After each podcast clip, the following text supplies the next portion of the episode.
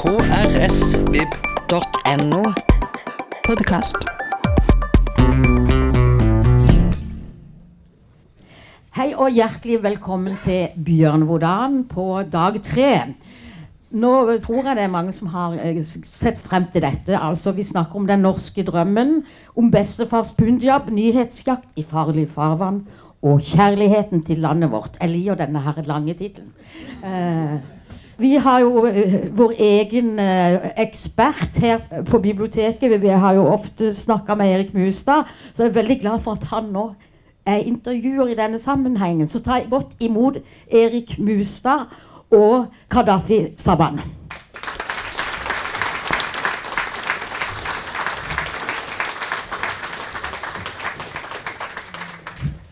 Velkommen, alle sammen. Eh, Det er ikke ofte jeg sitter på denne sida av eh, intervjuet. Um, og um, det syns jeg er veldig spennende. Så uh, vi ser fram til en tre kvarters tid med gode fortellinger fra Kadafi. Vi må jo forklare dette navnet hans uh, etter hvert. For dere som har lest boka, for dere som ikke har lest boka, så håper jeg at jeg gjør det. For det var en sann fornøyelse. Lettskrevet, fin å forstå, Eh, gode fortellinger. Denne mannen er ekstremt god til å fortelle. Eh, og Det er jo litt av den der journalistiske evnen som eh, kanskje mange journalister tror de har, men som ikke alle journalister har. Men eh, Gaddafi Salman har virkelig disse evnene, og det skal vi komme litt tilbake til nå når vi eh, stiller han noen spørsmål som gjør at han skal fortelle så mye som mulig. For det er han som skal fortelle sine historier. Og du kan jo begynne med å fortelle om dette navnet du fikk, som Ja. kanskje mange nordmenn har, har stussa på eh, Gaddafi. Ja. Nei, altså Faren min eh, var stor fan av eh, en eh, tidligere leder i Libya på 70-tallet. Eh, nærmere bestemt 73, da, da jeg ble født, så sendte han et brev til den libyske ambassaden i London og sa at om de kunne sende den videre til oberst Gaddafi. Og det var et brev hvor han sa at 'jeg har blitt pappa for første gang', og jeg har oppkalt min sønn etter deg.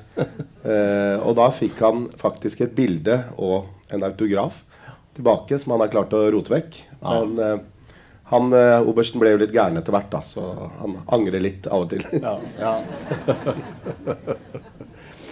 Nå er det jo mange som, som skriver eh, biografier, skriver bøker om sine liv.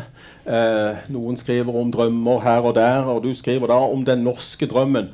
Eh, fortell oss litt, eh, Hva var motivasjonen din for oss å skrive dette? Hva gjorde at du begynte med dette prosjektet? Nei, altså Jeg har tenkt lenge på det, og så har jeg ikke hatt tid.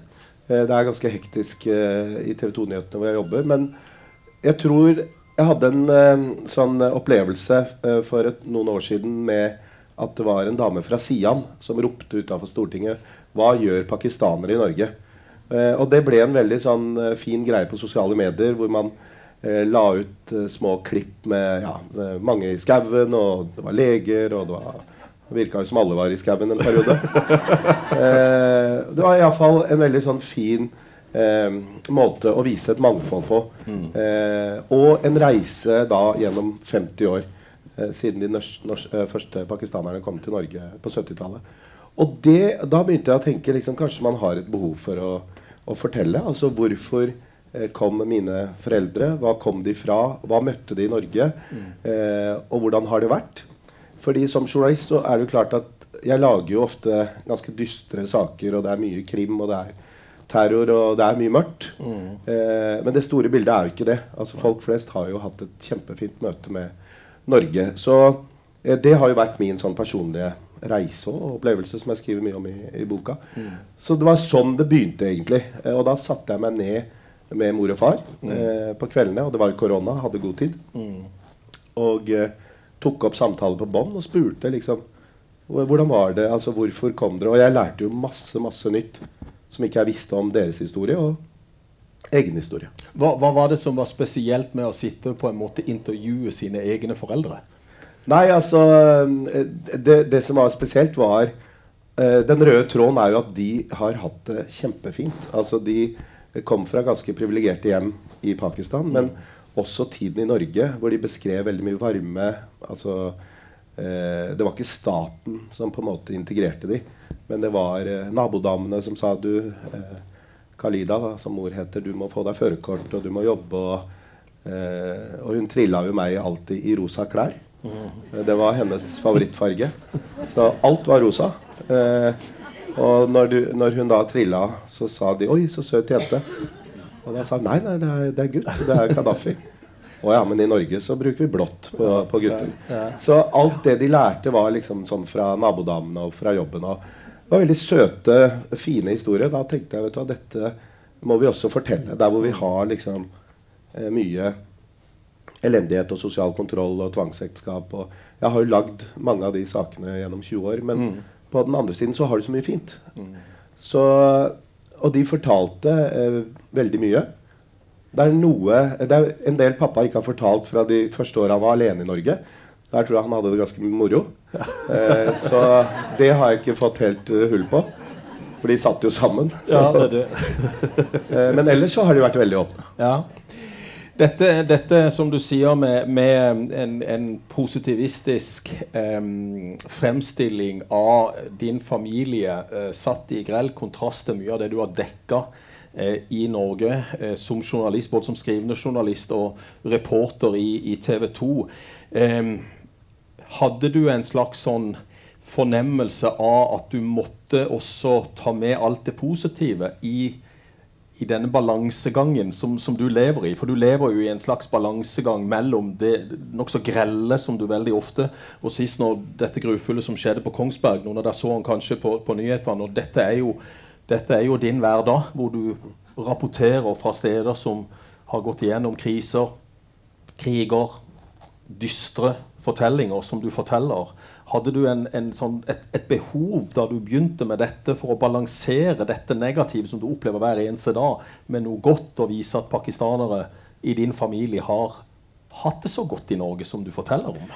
Altså, nei, det var ikke en sånn drive, men det er klart at uh, jeg føler at Norge trenger på en måte så forskjellige historier. Ja. Man trenger historien til Abid Raja. Jeg leste boka hans her om dagen, og var ekstremt sterk. Eh, og, og fordi noen har hatt det sånn.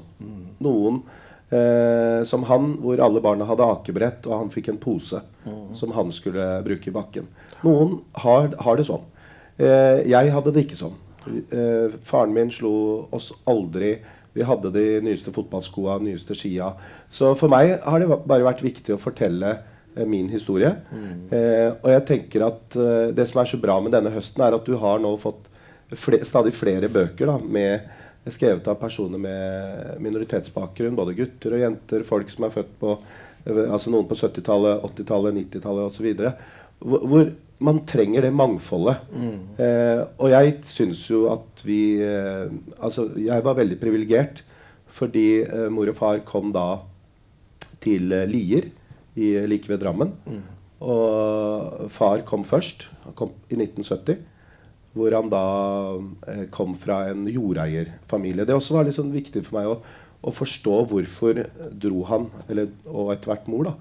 Og han forteller jo det at eh, eh, han og broren eh, ble sendt til skolen på, i storbyene fra denne lille bygda. Og etter hvert universiteter. Og han fikk en statsviterutdanning, mens broren hans fikk en ingeniørutdanning. Og bestefar solgte da jord for å finansiere denne utdanningen i storbyen, som var dyr. Eh, og forventa da at barna, eh, sønnene, skulle få seg fine jobber og kjøpe den, det han solgte, eh, tilbake igjen. Eh, og det gjorde de, begge to. Og onkelen min bor jo fortsatt i Pakistan, mens far fikk ikke jobb. Så det, det, det som var litt sånn spesielt, var at jeg har hørt historien om at han, da han kom til Norge, eh, og hva han gjorde. Men jeg visste ikke at han ikke gjorde noe på fem år etter utdanningen i Pakistan. Og det som var, var at eh, når han fikk tilbud om ikke en statsviterjobb, men noe annet, så sa faren hans og broren hans nei, du kan ikke ta deg en dårlig jobb. Det ser ikke bra ut. Da får du heller eh, drive dank. Så han dreiv dank i fem år. Eh, og så kommer 70-tallet, og hvor det er en arbeidsinnvandring.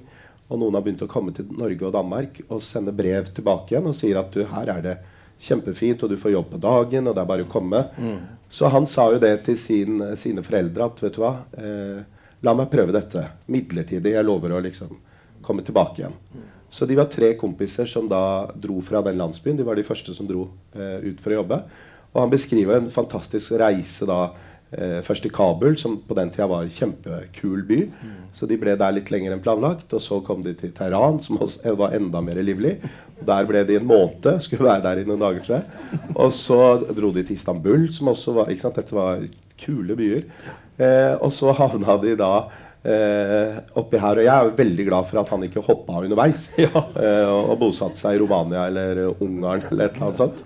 Eh, og, og så forteller jo han da om at han kommer på en fredag og begynner å jobbe på en mandag.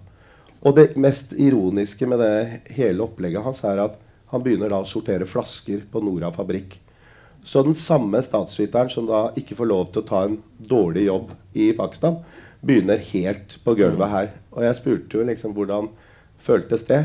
Nei, bestefar så jo ikke hva han dreiv med, så det var liksom greit, da. Så det har jo vært litt av en sånn reise for han, og så etter hvert eh, to år seinere, når mor kommer.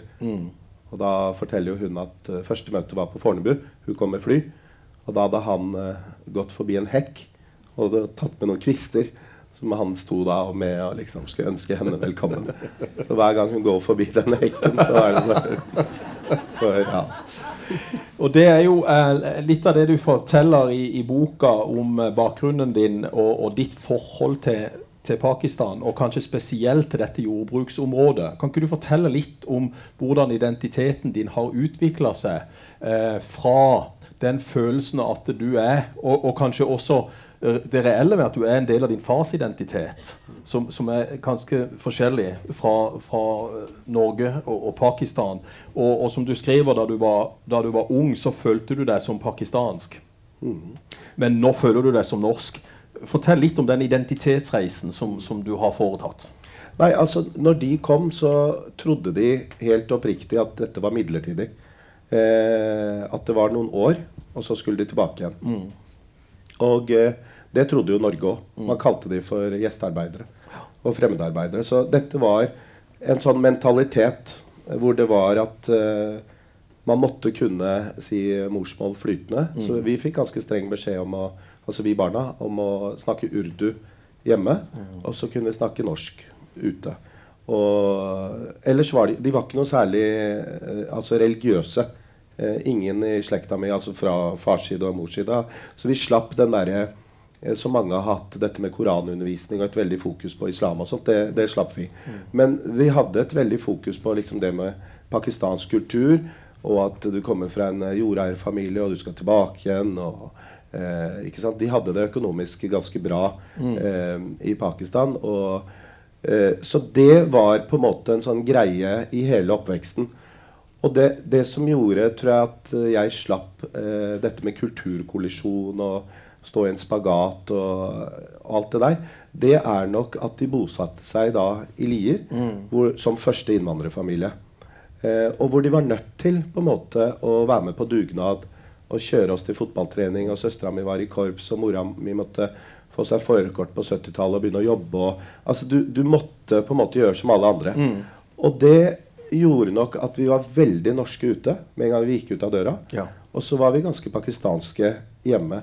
Og den miksen eh, har vi klart å eh, gjøre. Altså, som jeg skriver i boka, da, hvis jeg har lyst på fredagspils den ene fredagen og fredagsbønn neste fredag, så, så gjør jeg det. Men jeg må på en måte eh, dosere dette sjøl. Hvor mye pakistansk vil jeg ha? Hvor mye islam vil jeg ha? Og, så og det er der på en måte mange sy- syns det er problematisk. Spesielt i kanskje områder som i Oslo med, hvor det er veldig mange med innvandrerbakgrunn. Eller samme bakgrunn. Hvor du da snakker urdu hjemme, og så går du ut. Og så snakker du urdu ute, og så snakker du urdu i klassen, og så blir du på en måte ikke helt eh, med. Så eh, for meg så har det vært en sånn Som barn så var det hvis noen spurte ja, eh, hvor er du fra, så var jeg, ja, jeg er fra Pakistan og Punjab og litt sånn. Eh, og etter hvert så ble det Ja, jeg er norsk-pakistaner. Eh, og så var det en periode etter 9-11 så var jo dette med islam litt sånn eh, i vinden. Og det er det jo fortsatt. Og da var jeg litt sånn norsk muslim. Eh, og nå er det jo sånn Ja, hvem er du? Nei, jeg er Kadafi. Jeg er fra Lier. Ja. Å ja, hvor er, eh, eh, hvor er du opprinnelig fra? Nei, jeg er opprinnelig født i Drammen. Og så er det sånn Ja, ok. Og mor og far, da? Nei, de bodde i Heggedal i Asker før de flytta til Lier. Så Jeg digger å kødde litt med det, da. Men det er jo på en måte Noen mener jo oppriktig altså De er litt nysgjerrige på bakgrunn. Men det er jo en sånn individuell reise, dette her. Jeg har jo Mm. veldig mange venner som fortsatt sier at nei, jeg er pakistaner. Ja. Kan jeg ikke være det? Eller eh, noen sier at eh, Nei, altså de, de, Dette med merkelapper og bås og sånt må man føle liksom på sjøl, da. Men eh, foreløpig så er jeg veldig komfortabel med denne Gaddafi fra Lier. Og Gaddafi fra Lier han var også på ferier som barn i eh, Pakistan. Og eh, jeg har lyst til å lese et par linjer eh, på side 16. Da jeg som gutt var på ferie i Pakistan, tok han, far, meg med stadig ut til kornåkrene. Husk at denne jorda er som din mor. Den vil alltid ta vare på deg. Men da må du også ta vare på den, pleide han å si. Fortell om dette forholdet til jorda og dette veldig sterke eh, båndet som du har til akkurat den jorda i den provinsen i Pakistan. For det, er vel, det gjennomsyrer veldig mye av den identitetsreisen din. Ja. Nei, altså um, eh, Bestefar var da høvding i denne landsbyen. Hvor han eide en fjerdedel av liksom all jorda i den landsbyen. Det er ganske mye der nede. Og så Det var det han levde av. Eh, og sørga for at liksom ungene fikk utdanning og, og fikk det til å gå rundt.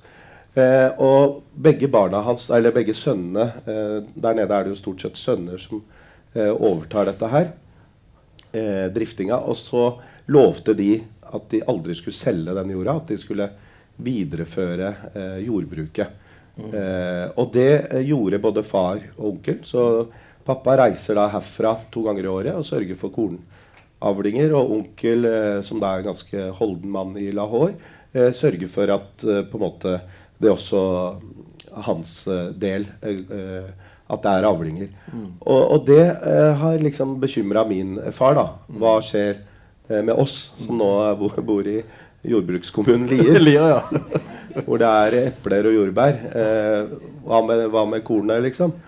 Etter han. Og da har Og nå har jo Han skal jo dele det på tre. Vi er tre søsken, så søster er også med. Og, og nå har vi lovet eh, han, både bror og søster, at vet du hva Etter din død så skal vi eh, på en måte videreføre dette. Eh, og det går jo sin gang. Så nå er vi, jeg har jo barn sjøl, så nå er, driver jeg og tenker jeg skal holde ord. Jeg får liksom gjøre det som pensjonist. Og kanskje ta med en bonde fra Lier da, og lære de noen nye triks der nede. De er litt sånn på gamlemåten fortsatt. Eh, men etter meg, hva, hva skjer da? Så nå eh, når jeg pleier å ha, ha de med, så, så pleier vi å kjøre rundt eh, i sånn jeep og vise liksom dette er eh, Og de er jo litt sånn fascinert, da, men vi får se eh, hva, hva som skjer, da. Men føler du en sterk tilknytning til den spesielle jorda enda, etter den historien som du forteller her, og som, og som du har hatt i forhold til dette? Ja, ja, ja. ja da. Eh, for det er på en måte en uh, grei, tenker jeg sånn eh, Jeg må jo gjøre noe når jeg blir pensjonist. og kommer til å savne action og reising og sånt. Så nei da, det, den har jeg et uh, sterkt forhold til. Og så må vi jo hoppe litt eh, både gjennom møtet med lokalpolitikken, eh, møtet med skolen, hovedstaden. Eh, hvordan var det å se muslimer i hovedstaden? Du var så vidt inne på dette at eh, det for ditt liv har betydd mye at dere var blant de første i Lier. Hvordan var det å komme da inn til hovedstaden og se disse miljøene her som ung eh, pakistaner? Nei, det var eh, litt av en overgang. For jeg kom fra et ganske Vi hadde det veldig ok. Jeg fikk jo sjokk når jeg leste boka til Abid med at Ja. fikk ikke lov å se på Bollywood-filmer og måtte gjemme seg for å se filmer. Eh, Vi satt jo hele familien og så på Dallas og måtte gjøre sånn hver gang det var kyssescene. Så eh, husker jeg. Og så kom jo Dynastiet noen år seinere, og det fikk vi ikke lov til, for der var det altfor mye kyssing. Ja. Men eh, vi så jo filmer og hadde det egentlig veldig fint, da. Eh, og så kom, vi, kom jeg til Oslo og begynner på ingeniørutdanninga. Eh, for det Der var de litt sånn eh, strenge. Altså De hadde et veldig fokus på utdanning i oppveksten. Og, og jeg hadde ikke god nok karakter til å bli doktor, for det var sånn store drømmen deres. Og det nest beste var da ingeniørutdanning. Så jeg begynte der. Var ikke, trivdes ikke helt da, men jeg bare gjorde det. Og, og da møtte jeg jo på en måte si norskpakistanere fra Furuset og fra Holmlia og fra andre områder i Oslo hvor det var ganske mange da, med pakistansk bakgrunn. Og jeg bare følte at det var så stor forskjell. Veldig mange snakka gebrokkent. Det skjønte jeg ikke. Liksom, Jøss, er dere ikke født og oppvokst her? Eh, mange av mødrene til en del av dem jobb, hadde aldri jobba.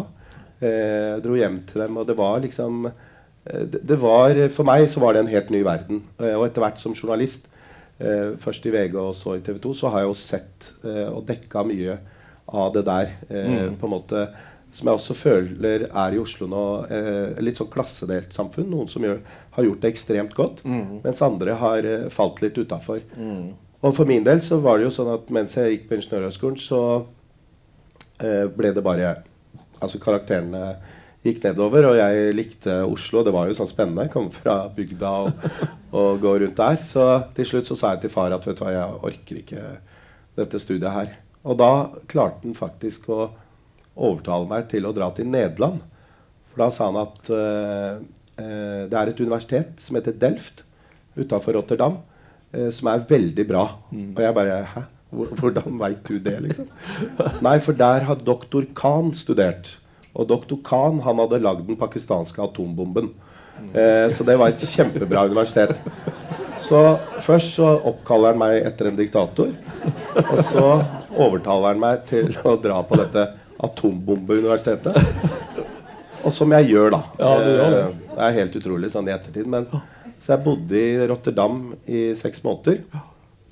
Og det var, var dårlige studier der òg, men eh, jeg ble kjent med Mr. Heineken iallfall. Så et, eh, Han er en kjekk kar. Han er kjekk kar Han en kjekk kar. og, og slitsom. Så etter seks måneder så sa jeg at uh, nå kommer jeg tilbake igjen. Så jeg fikk lov til det. da Og det, det må jeg bare si at den passasjen i boka hvor du beskriver den lille utflukten til Rotterdam, det er fornøyelig lesning.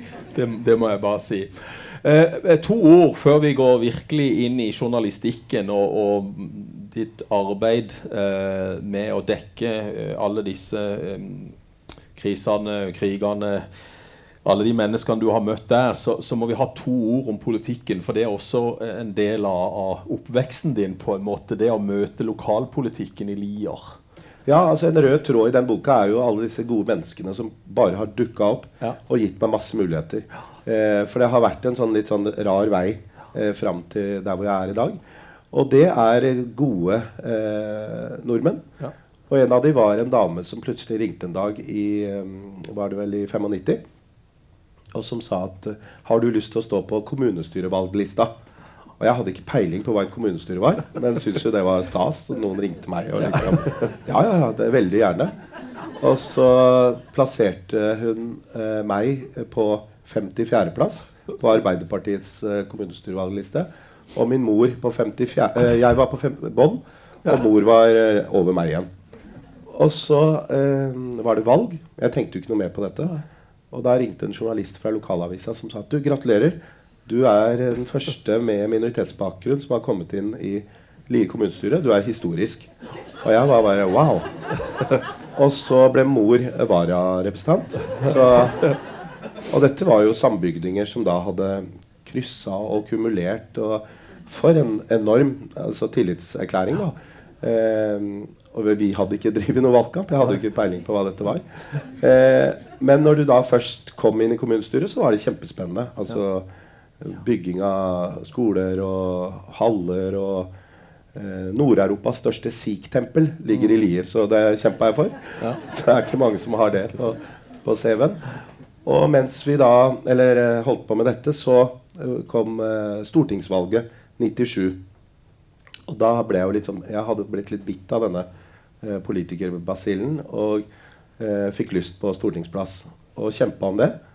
Eh, og tapte på nominasjonsmøtet. Jeg var kandidat, eh, AUFs kandidat fra Buskerud eh, med ti stemmer på nominasjonsmøtet. Så, og det, og, men det kom noe godt ut av det òg, Ja. for da var jeg litt eh, sur. Så jeg sto på landsmøtet til Arbeiderpartiet og sa at her var det veldig blenda hvitt. Og det var litt sånn dårlig gjort, fordi det var liksom geografi som gjorde at jeg hadde tapt. Men jeg var litt ufin. Eh, og da satt en journalist fra VG i salen og lagde en Første gang jeg var i, i Riksavis, og da sto det 'refser sine egne'. Og den journalisten heter Hanne Skartveit. og eh, og det, det, er helt utrolig. Altså. Så to dager etter det oppslaget så er det en herremann som ringer, eldre herremann. Og du, eh, jeg heter det og det, og kan du komme og ta en kopp kaffe? Jeg har lyst til å diskutere et prosjekt. Og jeg dro en skikkelig sånn fin gentleman, som da var forlegger mm. i Aschehoug. Og så sier han jeg har lest den artikkelen i VG, og eh, hun som har skrevet den, er min datter. Og hun eh, fortalte mye godt om deg, og kunne du tenke deg å skrive en bok? Ja. Og jeg var helt uh, sjokkert, og han begynte å snakke, og masse referanser til bøker. Og jeg nikka og lot som jeg hadde lest de, og så skjønte han jo dette, da. At han er ikke helt med. Og så spurte han leser du bøker. Så sa jeg nei, jeg leser mye aviser. Uh, ja, Hva var den siste du leste, da? Da tenkte jeg det tror jeg var Bobsy-barna på, på, skolen. Og så sa han ja, men har dere, hva har dere i bokhylla? Og da sa jeg det som det var. At vet du hva, faren min jobber i Oslo Sporveier og er ikke så veldig god i norsk. Og har ikke økonomi nok til å kjøpe bøker. Så vi har ettbindsleksikon. Og det har vi fått fra en eh, som vasker gulvet i, et forlag. En pakistaner. Så det er det jeg vokste opp med. Og så har jeg bøker og sånt fra skolen. Og så sa han vet du hva, det går helt fint, ikke tenk på det. Jeg skal gi deg navnet på en bok. Så skrev han eh, 'De nasjonale strateger' av Rune Slagstad. Mm -hmm. Så Det var den første boka jeg kjøpte. Og da sa han 'kjøp den, les den'. Da har du lest det meste. Ja. Og denne forleggeren heter Andreas eh, Skartveit. Ja, det er det han gjør. Ja, Fantastisk uh, fin fyr. Og det gjorde jo på en måte at uh, det ble starten for min del på skriving og lysten til å bli journalist. Og Da er vi jo inne på, på, akkurat dette som du så fint siterer mot slutten av et kapittel i boka di også. Jeg er takknemlig for at jeg ikke ble ingeniør. Jeg er takknemlig for at jeg ikke ble politiker. Og jeg er takknemlig for at jeg ikke ble soldat. Det var nok skjebnen min at jeg en dag skulle bli reporter. Mm. Ja, det var begynnelsen. Ja, for her hadde jeg jo prøvd å bli soldat òg. Ja. Jeg skulle jo bli James Bond. Ja. ja. I disse James Bond-tider så uh, var vel kanskje godt at du ikke ble det. Uh, men fortell litt om dette når journalisten våkner, og, og det at uh, alle disse tilfeldighetene og alle disse gode menneskene som på en måte var rundt der og dukka opp ved jevne mellomrom i livet ditt og, og dytta deg i den retning og så litt i den retning og så litt i den retning. Og til syvende og sist så fant du på en måte sporet hvor du er enda. Reporter slash journalist. Fortell om, ja. om den, nei, den opplevelsen av å finne det riktige sporet. Nei, og det tenker jeg Der har jeg vært veldig heldig, privilegert, mm. egentlig. Som har hatt en trygg oppvekst uten rasisme, uten diskriminering. Jeg har aldri blitt mobba. Aldri opplevd uh, noen som har sagt 'pakkis' eller et eller annet. Jeg kjenner mange som har blitt det, og som mm. blir det. Jeg mm. har jo lagd mange saker også på det, men for egen del så har det vært en fin oppvekst. Og sånn sett så har det vært viktig for meg denne boka at det store inntrykket må ikke være at folk som kommer fra andre land, blir møtt av et veldig kaldt og stygt Norge. Nei, de fleste nordmenn er fantastisk uh, gode mennesker som hjelper folk. Mm. Eh, og det har vært eh, en sånn hele veien. Og også i journalistikken. Så når jeg da etter hvert eh, klarer å si til mor og far at jeg har lyst til å bli journalist, så kom jeg inn på journaliststudiet i Stavanger.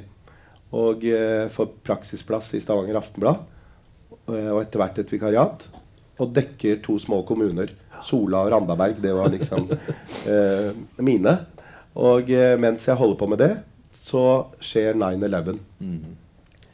Og da husker jeg hadde Alle nye journaliststudenter har jo drømmer om å stå ute der hvor det skjer, og med sånn journalistvest og solbriller og sånne palestinaskjerf, holdt jeg på å si. Ser litt sånn actionreporter ut. Så da eh, tenkte jeg at åh, det hadde vært så kult hvis de sendte meg nedover. da. Så jeg dro til eh, redaktøren og sa at du, jeg kan språk, og jeg kan liksom hele det området der. Og jeg kunne jo ikke det språket der. Jeg dro litt på. Og så, da, fire dager etterpå, så ble jeg sendt til grenseområdene mellom Afghanistan og Pakistan. Eh, og en fotograf fra Stavanger Aftenblad. Og det var jo også en enorm altså, tillitserklæring. Så det ble jo starten mm. eh, på min journalistkarriere og de sakene vi lagde der. Jeg skriver jo en del om det her. Ble jo på en måte over natten da, fra å være lokal eh, journalist til å bli eh, krigsreporter. Og det gjorde jo at plutselig så var det en fra VG som ringte. En som heter Brynjar Haukeli etter to år og sa at kan du søke jobb i VG. Og jeg gjorde det, og så fikk jeg jobb der. Og etter to-tre år der så ringte en redaktør fra TV 2. Eh, og kan du begynne hos oss? Ikke sant? Og så havna jeg i TV 2. Eh, og det, sånn har det jo egentlig vært hele veien. Det har vært så mange muligheter. Nå lager vi jo eh, den serien 'Norge bak fasaden'. Er to sesonger, og nå skal vi i gang med tredje sesongen. Og der Det også var sånn. Altså eh, Han eh, er jo fra Arendal, eh, Kjetil Johnsen, som er sjef i Novemberfilm. Som du, kan ikke vi gjøre dette her? Så for meg har det vært litt sånn viktig i den boka å, å hedre eh, de menneskene. Eh, og ikke minst alle fotografene som har vært på alle disse ganske dramatiske turer, en del av det. For de havner ofte i, i bakgrunnen. Det er jo mitt ansikt som er på TV, men man vet liksom ikke prosessen bak og behind the scenes. Og, og det har også vært en drive egentlig i disse spesielt fake news-tider og påstander om at dere ljuger så mye i media og dere holder tilbake sannheten. Og bare fortelle hvordan vi jobber. Eh, og der har fotografene en kjempestor rolle. Så det er en sånn shootout egentlig til alle disse gode hjelperne og, og alle disse menneskene da, som, hvor man ikke er alene. Ja, ja, ja. Og, og, og i, boka her så skriver du jo om alle disse nokså dramatiske episodene du har opplevd i, i felten. Det var 9-11, eh, diverse turer til Pakistan, ditt vennskap med Benazir Bhutto. Det må vi komme tilbake til. Du dekka tsunamien, eh, som, som vi så på TV. Eh, 22. juli. Eh, du dekka om IS-krigere i Norge. Eh, syklende russere over Storskog. Eh, flyktningekrisen i Europa. Eh, den arabiske våren. Gjenger i Oslo. Altså, han har jo dekka det meste av det som har skjedd rundt forbi i verden. Hva er det som har rørt deg mest med alle disse historiene som du ser, av individuelle skjebner, av grensesprengende eh, episoder? Hva, hva er, det som, er, det, er det noen episoder i noen av disse hendelsene som på en måte har brent seg fast i, i minnet ditt? Ja, det er jo mange. Altså det er jo mye. Og det som gjør Altså når du har vært, sett så mye, da, gjør jo at du blir veldig takknemlig for det vi har her. Altså er først og fremst tryggheten vår.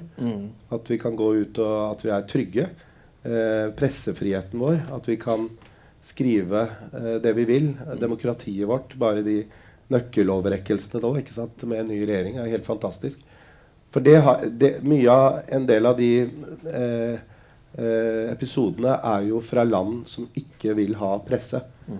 Eh, som vil sensurere deg, overvåke deg eller banke deg opp. Eh, og for oss så er det jo sånn at vi drar til et sted, er der i ti dager, to uker, og så kommer vi tilbake igjen til tryggheten vår. Men de ordentlige heltene er jo de som bor i sånne land og driver med journalistikk og redaktører og, og fortsetter den kampen. Men det er på en måte Så det er en veldig sånn eh, ting eh, som er viktig for meg. Mm. Det at vi må være takknemlige for, eh, for det vi har.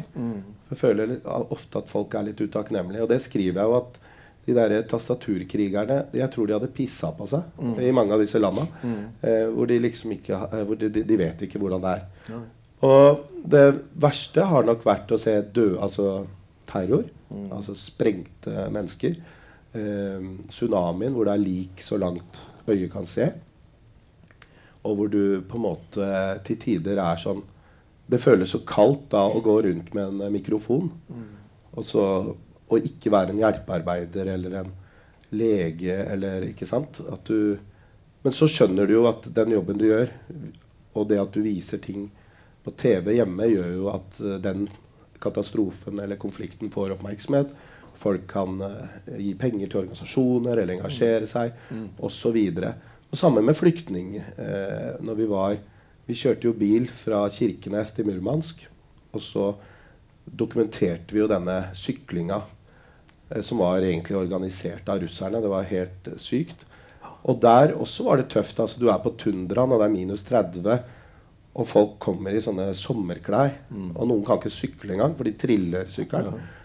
Og da også følte jeg jo veldig sånn åh, Det er jo fristende å si 'sett dere i bilen', og så kan du ikke det. kan ikke ikke? Du kan ikke gjøre det og, og bli anklaga for menneskesmugling. Så en del av de sak, eller reisene handler om ekstreme katastrofer hvor man er nødt til å vise folk hjemme virkeligheten. Og en del andre handler jo om litt sånn eh, katt og mus med si etterretningstjenester i Iran eller Jemen og sånne land. Hvor, hvordan bli kvitt dem. Og det også beskriver jeg jo. Eh, og da må man jo være litt sånn kreativ og ofte litt sånn på grensa. Og der er det jo sånne, sånn som den i Jemen, hvor vi dro for å dekke drapet på Martine Wiik Magnussen. Mange år siden. Hvor vi da eh, liksom hele tiden prøver å bli kvitt han der som skal passe på oss. Eh, guiden. Og det er ganske kreativt eh, løst. Ja, det var det. Eh, og det, det jeg husker fra den, er jo liksom den urettferdigheten. Altså fam at familien hennes fortsatt ikke har fått rettferdighet. At den drapsmannen går fri. Så mange av disse sakene er jo sånn at du, du, du blir aldri kvitt dem fordi det er ikke løsning Nei. på de, ikke sant? Eller disse flyktningene som vi møtte på Balkan eller i Tyrkia, og de var så glad. Ikke sant? Å, nå skal vi til Europa. Jeg har så lyst til å liksom møte de igjen etter ti år, da. For å se hvor er de nå. Var det så bra som de trodde, eller sitter de og er helt uh, skada? Så um, det er menneskene, hvis jeg skal oppsummere, da, det er de du på en måte aldri glemmer. Nei. De du møtte, og deres familier. Og du sier jo at du digger å være der det skjer. Og rapportere om alt dette nedenifra og opp, og ikke ovenifra og ned. For det er jo en, en viktig forskjell. Eh, hva gjør det med deg som både menneske og profesjonell reporter å være i sånne katastrofeområder som du har vært i?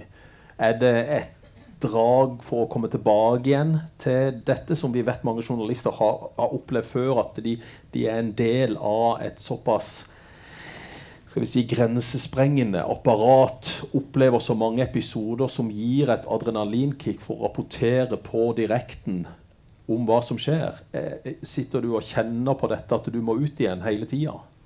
Nei, ikke hele tiden. Fordi, men jeg må ha noen sånne turer Ja. i året. Fordi Ja. det er som du sier, det gir et kick, og du blir litt avhengig. Men så skjer det jo mye her hjemme. Så de siste åra så har jeg jo dekka mye altså, journalistikk rundt ekstremister. Både fremmedkrigere, men også høyreekstreme. Og det har jo ført til mye trusler og ganske høyt trusselbilde, som jeg skriver en del om. Ja. Som også tror jeg vil være ganske ukjent for folk. Altså prisen for kritisk journalistikk. At når norske redaksjoner da setter søkelys på sånne miljøer i eget land, hva, eh, hva slags konsekvenser får det? Så, sånn sett så har jeg ikke hatt det samme eh, behovet, da. Og så har vi jo hatt denne Norge bak fasaden, Ja. som jeg føler at vi liksom kan gå litt i dybden eh, på ting. og og, og gi seeren på en måte et, et program hvor vi ikke har en sånn veldig fast vinkel. Det er ikke sånn Oi, dette har vi bestemt oss for å lage. Det er mer et program hvor man er veldig åpen eh, og nysgjerrig. Eh, og det eh, har gjort egentlig at eh, jeg har fått litt min Altså det behovet da for å reise. Men når ting skjer, sånn som når det var Kabul-fall nå, så var det litt sånn jeg, jeg sa det til og med også et par ganger til sjefen at jeg skal ikke sende meg, da. Og da drev vi og evakuerte Fredrik ut, så det var uaktuelt. Eh, Iallfall de første dagene, da. Så jo da, det rykker litt sånn av og til. Og det gjør det vel i Fredrik Resvik også. Ja. De som kjenner Fredrik Resvik, som er reporter rundt forbi, har vært i mange av disse områdene. Og jeg snakker med mange journalister som har dette draget etter å komme tilbake igjen til fronten, for å, å kalle det det. Eh, Du snakker litt om trusler, og, og det er noe av pri, og det skriver du også i boka, at det er noe av prisen for å drive kritisk, undersøkende journalistikk. Hvordan opplever du det i det daglige eh, med trusler eh, mot din egen person, mot familien din, barna dine, kona di, alt dette? Hvordan, hva gjør det med deg? Nei, Det første er jo at jeg har skjerma veldig privatlivet. Eh, skjerma barna, skjerma kona. Eh, eh, og alltid gjort det. Ja. Også i boka. Boka er personlig, men den er ikke så privat. Eh, og det har gjort at det er til tider vært veldig heftig trusselbilde. Jeg har skuddsikker vest under senga, og det er masse tiltak rundt huset. Og det toppa seg når vi begynte å se på altså ekstremistiske miljøer. Jeg har jo dekka gjengmiljøer også i, i 20 år, men det eh, var på en måte De gikk ikke så på person. Mens her så var det at plutselig i 2015, var det vel, så kommer politiet til TV 2 mm. og sier at uh, jeg skal snakke med sjefen min og meg. Og da sier de at vi har fanga opp eh, alvorlig trusselbilde, som da er fanga opp i avlytting. Så det er ikke snakk om at Altså Jeg får ikke så mye sånn mailer og SMS-er og sånt. Litt. Mm. Og da får, Det er sånn jævla muslimjævel. Mm. Og da får de ofte sånn god bedring eh, til mm. svar. Eh, men det at politiet dukker opp på jobben og har fanga opp ting liksom bak din rygg, avlytting, det er mm. sånn spooky. Mm. Og da eh, ble det iverksatt masse tiltak. Så Sånn har det vært med jevne mellomrom. Og det spiller ingen rolle om det er islamister eller om det er høyreekstreme. Det er jo litt sånn samme ulla, tenker jeg. Og samme tankegodset. Så det er sånn det er. Ikke bare for meg, men jeg har jo kollegaer i VG. Samme opplegg, folk i NRK osv. Så, videre. så det, det, er et ønske i den boka å fortelle eh, norske lesere litt om eh, altså hvor, hvorfor det er så viktig å drive med kritisk journalistikk. Mm. Eh, at ikke ting går under radaren. Mm. Og én ting er jo folk eller miljøer som er synlige. Hvis det er nordisk motstandsbevegelse som, som marsjerer i Kristiansand, ja, det er viktig å holde et øye med de. Hvem er de folka? Mm. Men så har du alle de du ikke ser, ja. som er på internett, og som hyller 22. juli-terroristen, eller som hyller IS, eller ikke sant? Er, de er jo der. Og det er på en måte en sånn utfordrende type journalistikk, de du ikke ser. Så jeg føler jo at det er viktig at norske redaksjoner eh, setter av ressurser til det. At man ser på disse miljøene. Og så har du de du aldri fanger opp, eller det er psykiatri, eller ja, vanskelig, å, vanskelig, å, fange opp. Men du fortsetter å drive kritisk journalistikk og, og mener prisen å betale er det du opplever av trusler og hets. Hva gjør det i forhold til eh, det som går på hudfarge, og det at du er muslim? Er, det verre, syns du? Uh, at de går på den delen av din identitet, enn bare å kritisere det for journalistikken? Nei, vet du hva, jeg, nei, jeg bryr meg. Jeg, jeg er jo blitt litt hardhuda ja, etter hvert. Ja. Så, eh, så, hvis noen skriker 'muslimjævel' under en eh, direktesending, så, så klarer jeg liksom ikke å bli så veldig rørt, eller holdt jeg på å si Hva heter det jeg bryr meg ikke om Jeg blir ikke så veldig forbanna. Men jeg kan bli litt sånn såra at dette ja. fortjener jeg jo ikke.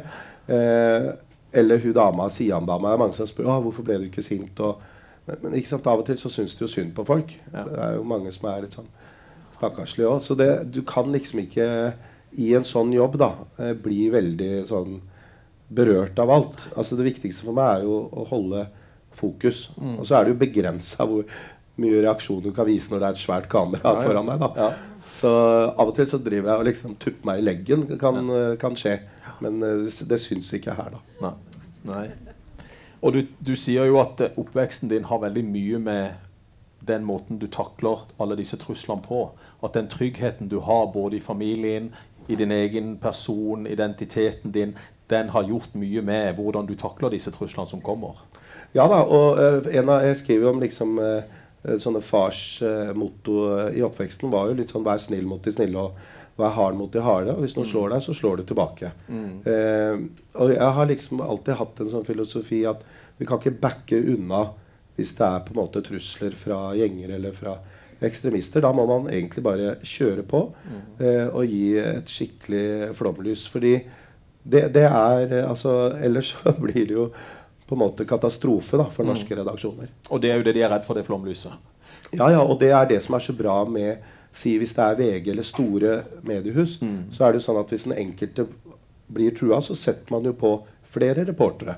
Så det er jo aldri sånn at man er alene Nei. i denne krigen, da, hvis man kan kalle det det. Nei.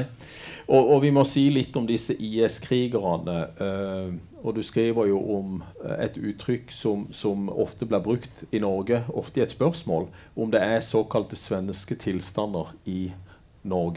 Du skriver om profeten Umma eh, og hans eh, klan. Eh, hvordan jobber du og jobber du inn mot dette miljøet her? For det er jo en viktig del av, den siste delen av boka di. Ja.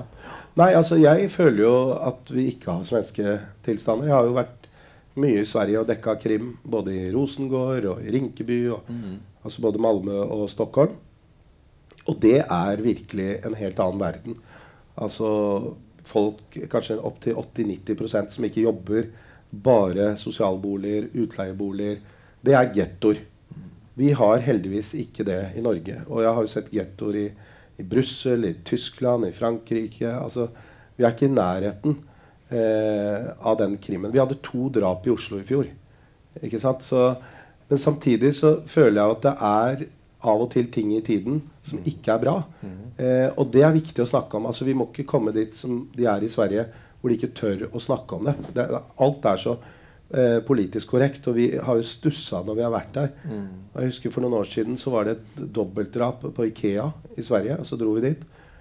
Og jeg sto eh, ved siden av Aftonbladet og Ekspressen. Og det viste seg at eh, gjerningsmannen var en asylsøker.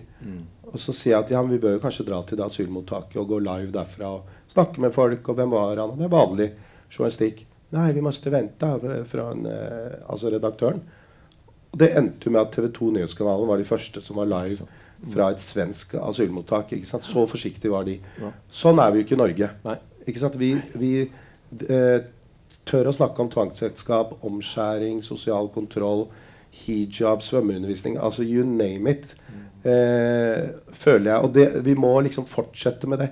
Vi må ikke bli sånn at verken politikere eller presse eller andre Altså vi må ha eh, et, et kritisk søkelys. Og mye er ikke bra i deler av Oslo. Det er tendenser av og til til eh, både mye ungdomskriminalitet eller I det siste nå har det jo vært en del skyting og, og drap som på en måte må, må adresseres. Så det er iallfall sånn jeg føler da, at vi er ikke Sverige, men vi må sørge for at vi ikke kommer dit. At ikke vi blir det, ja. Så må vi avslutte litt med en nokså dramatisk, om ikke den mest dramatiske episoden i boka. Det er jo i Pakistan i 2018, hvor du blir arrestert. Og eh, hva går gjennom hodet ditt da når du blir arrestert i ditt eget land? Ja, eget og eget. Men nei, det ble ja. Altså, det ble mm, en litt sånn vekker. Fordi Ja. plutselig følte jeg meg veldig som en utlending. Ja. Eh, for jeg er veldig glad i Pakistan og har alltid vært det. Men der og da var jeg jo en eh, nordmann. Ja. Eh, og det var liksom eh, norske historier og historier om oppvekst og sånn som, som jeg brukte mye tid på på cella. Vi var jo tre- 24 stykker. Og de var veldig nysgjerrig på Norge.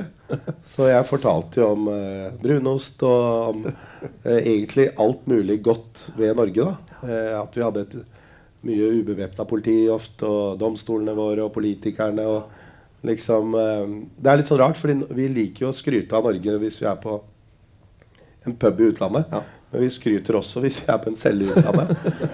Og, og de skjønte Hæ, er det mulig? Lever du i et sånt land? Er det så, liksom, så bra?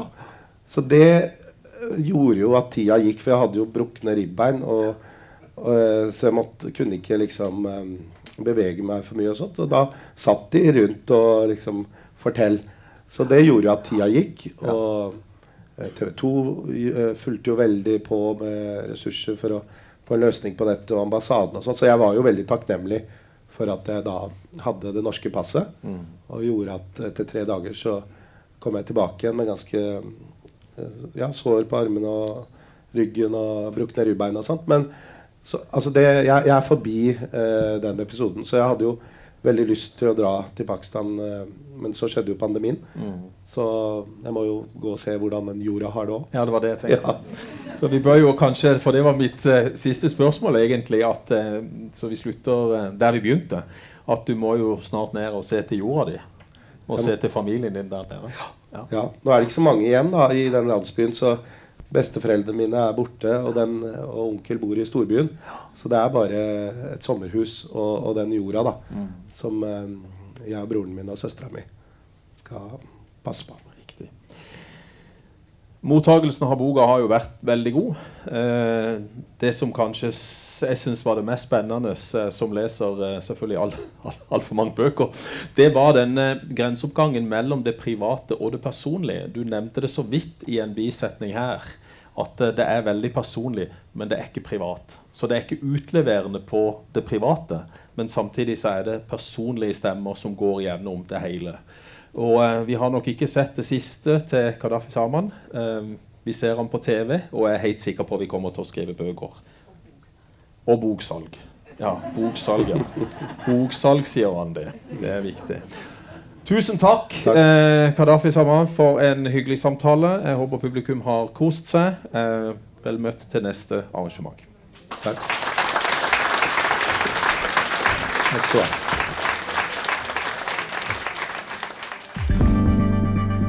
Flere podkaster fra oss finner du på Google Podkast, Apple Podkast eller iTunes, eller ved å stikke innom vår hjemmeside på krsbib.no.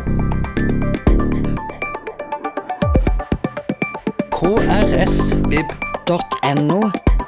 Podkast.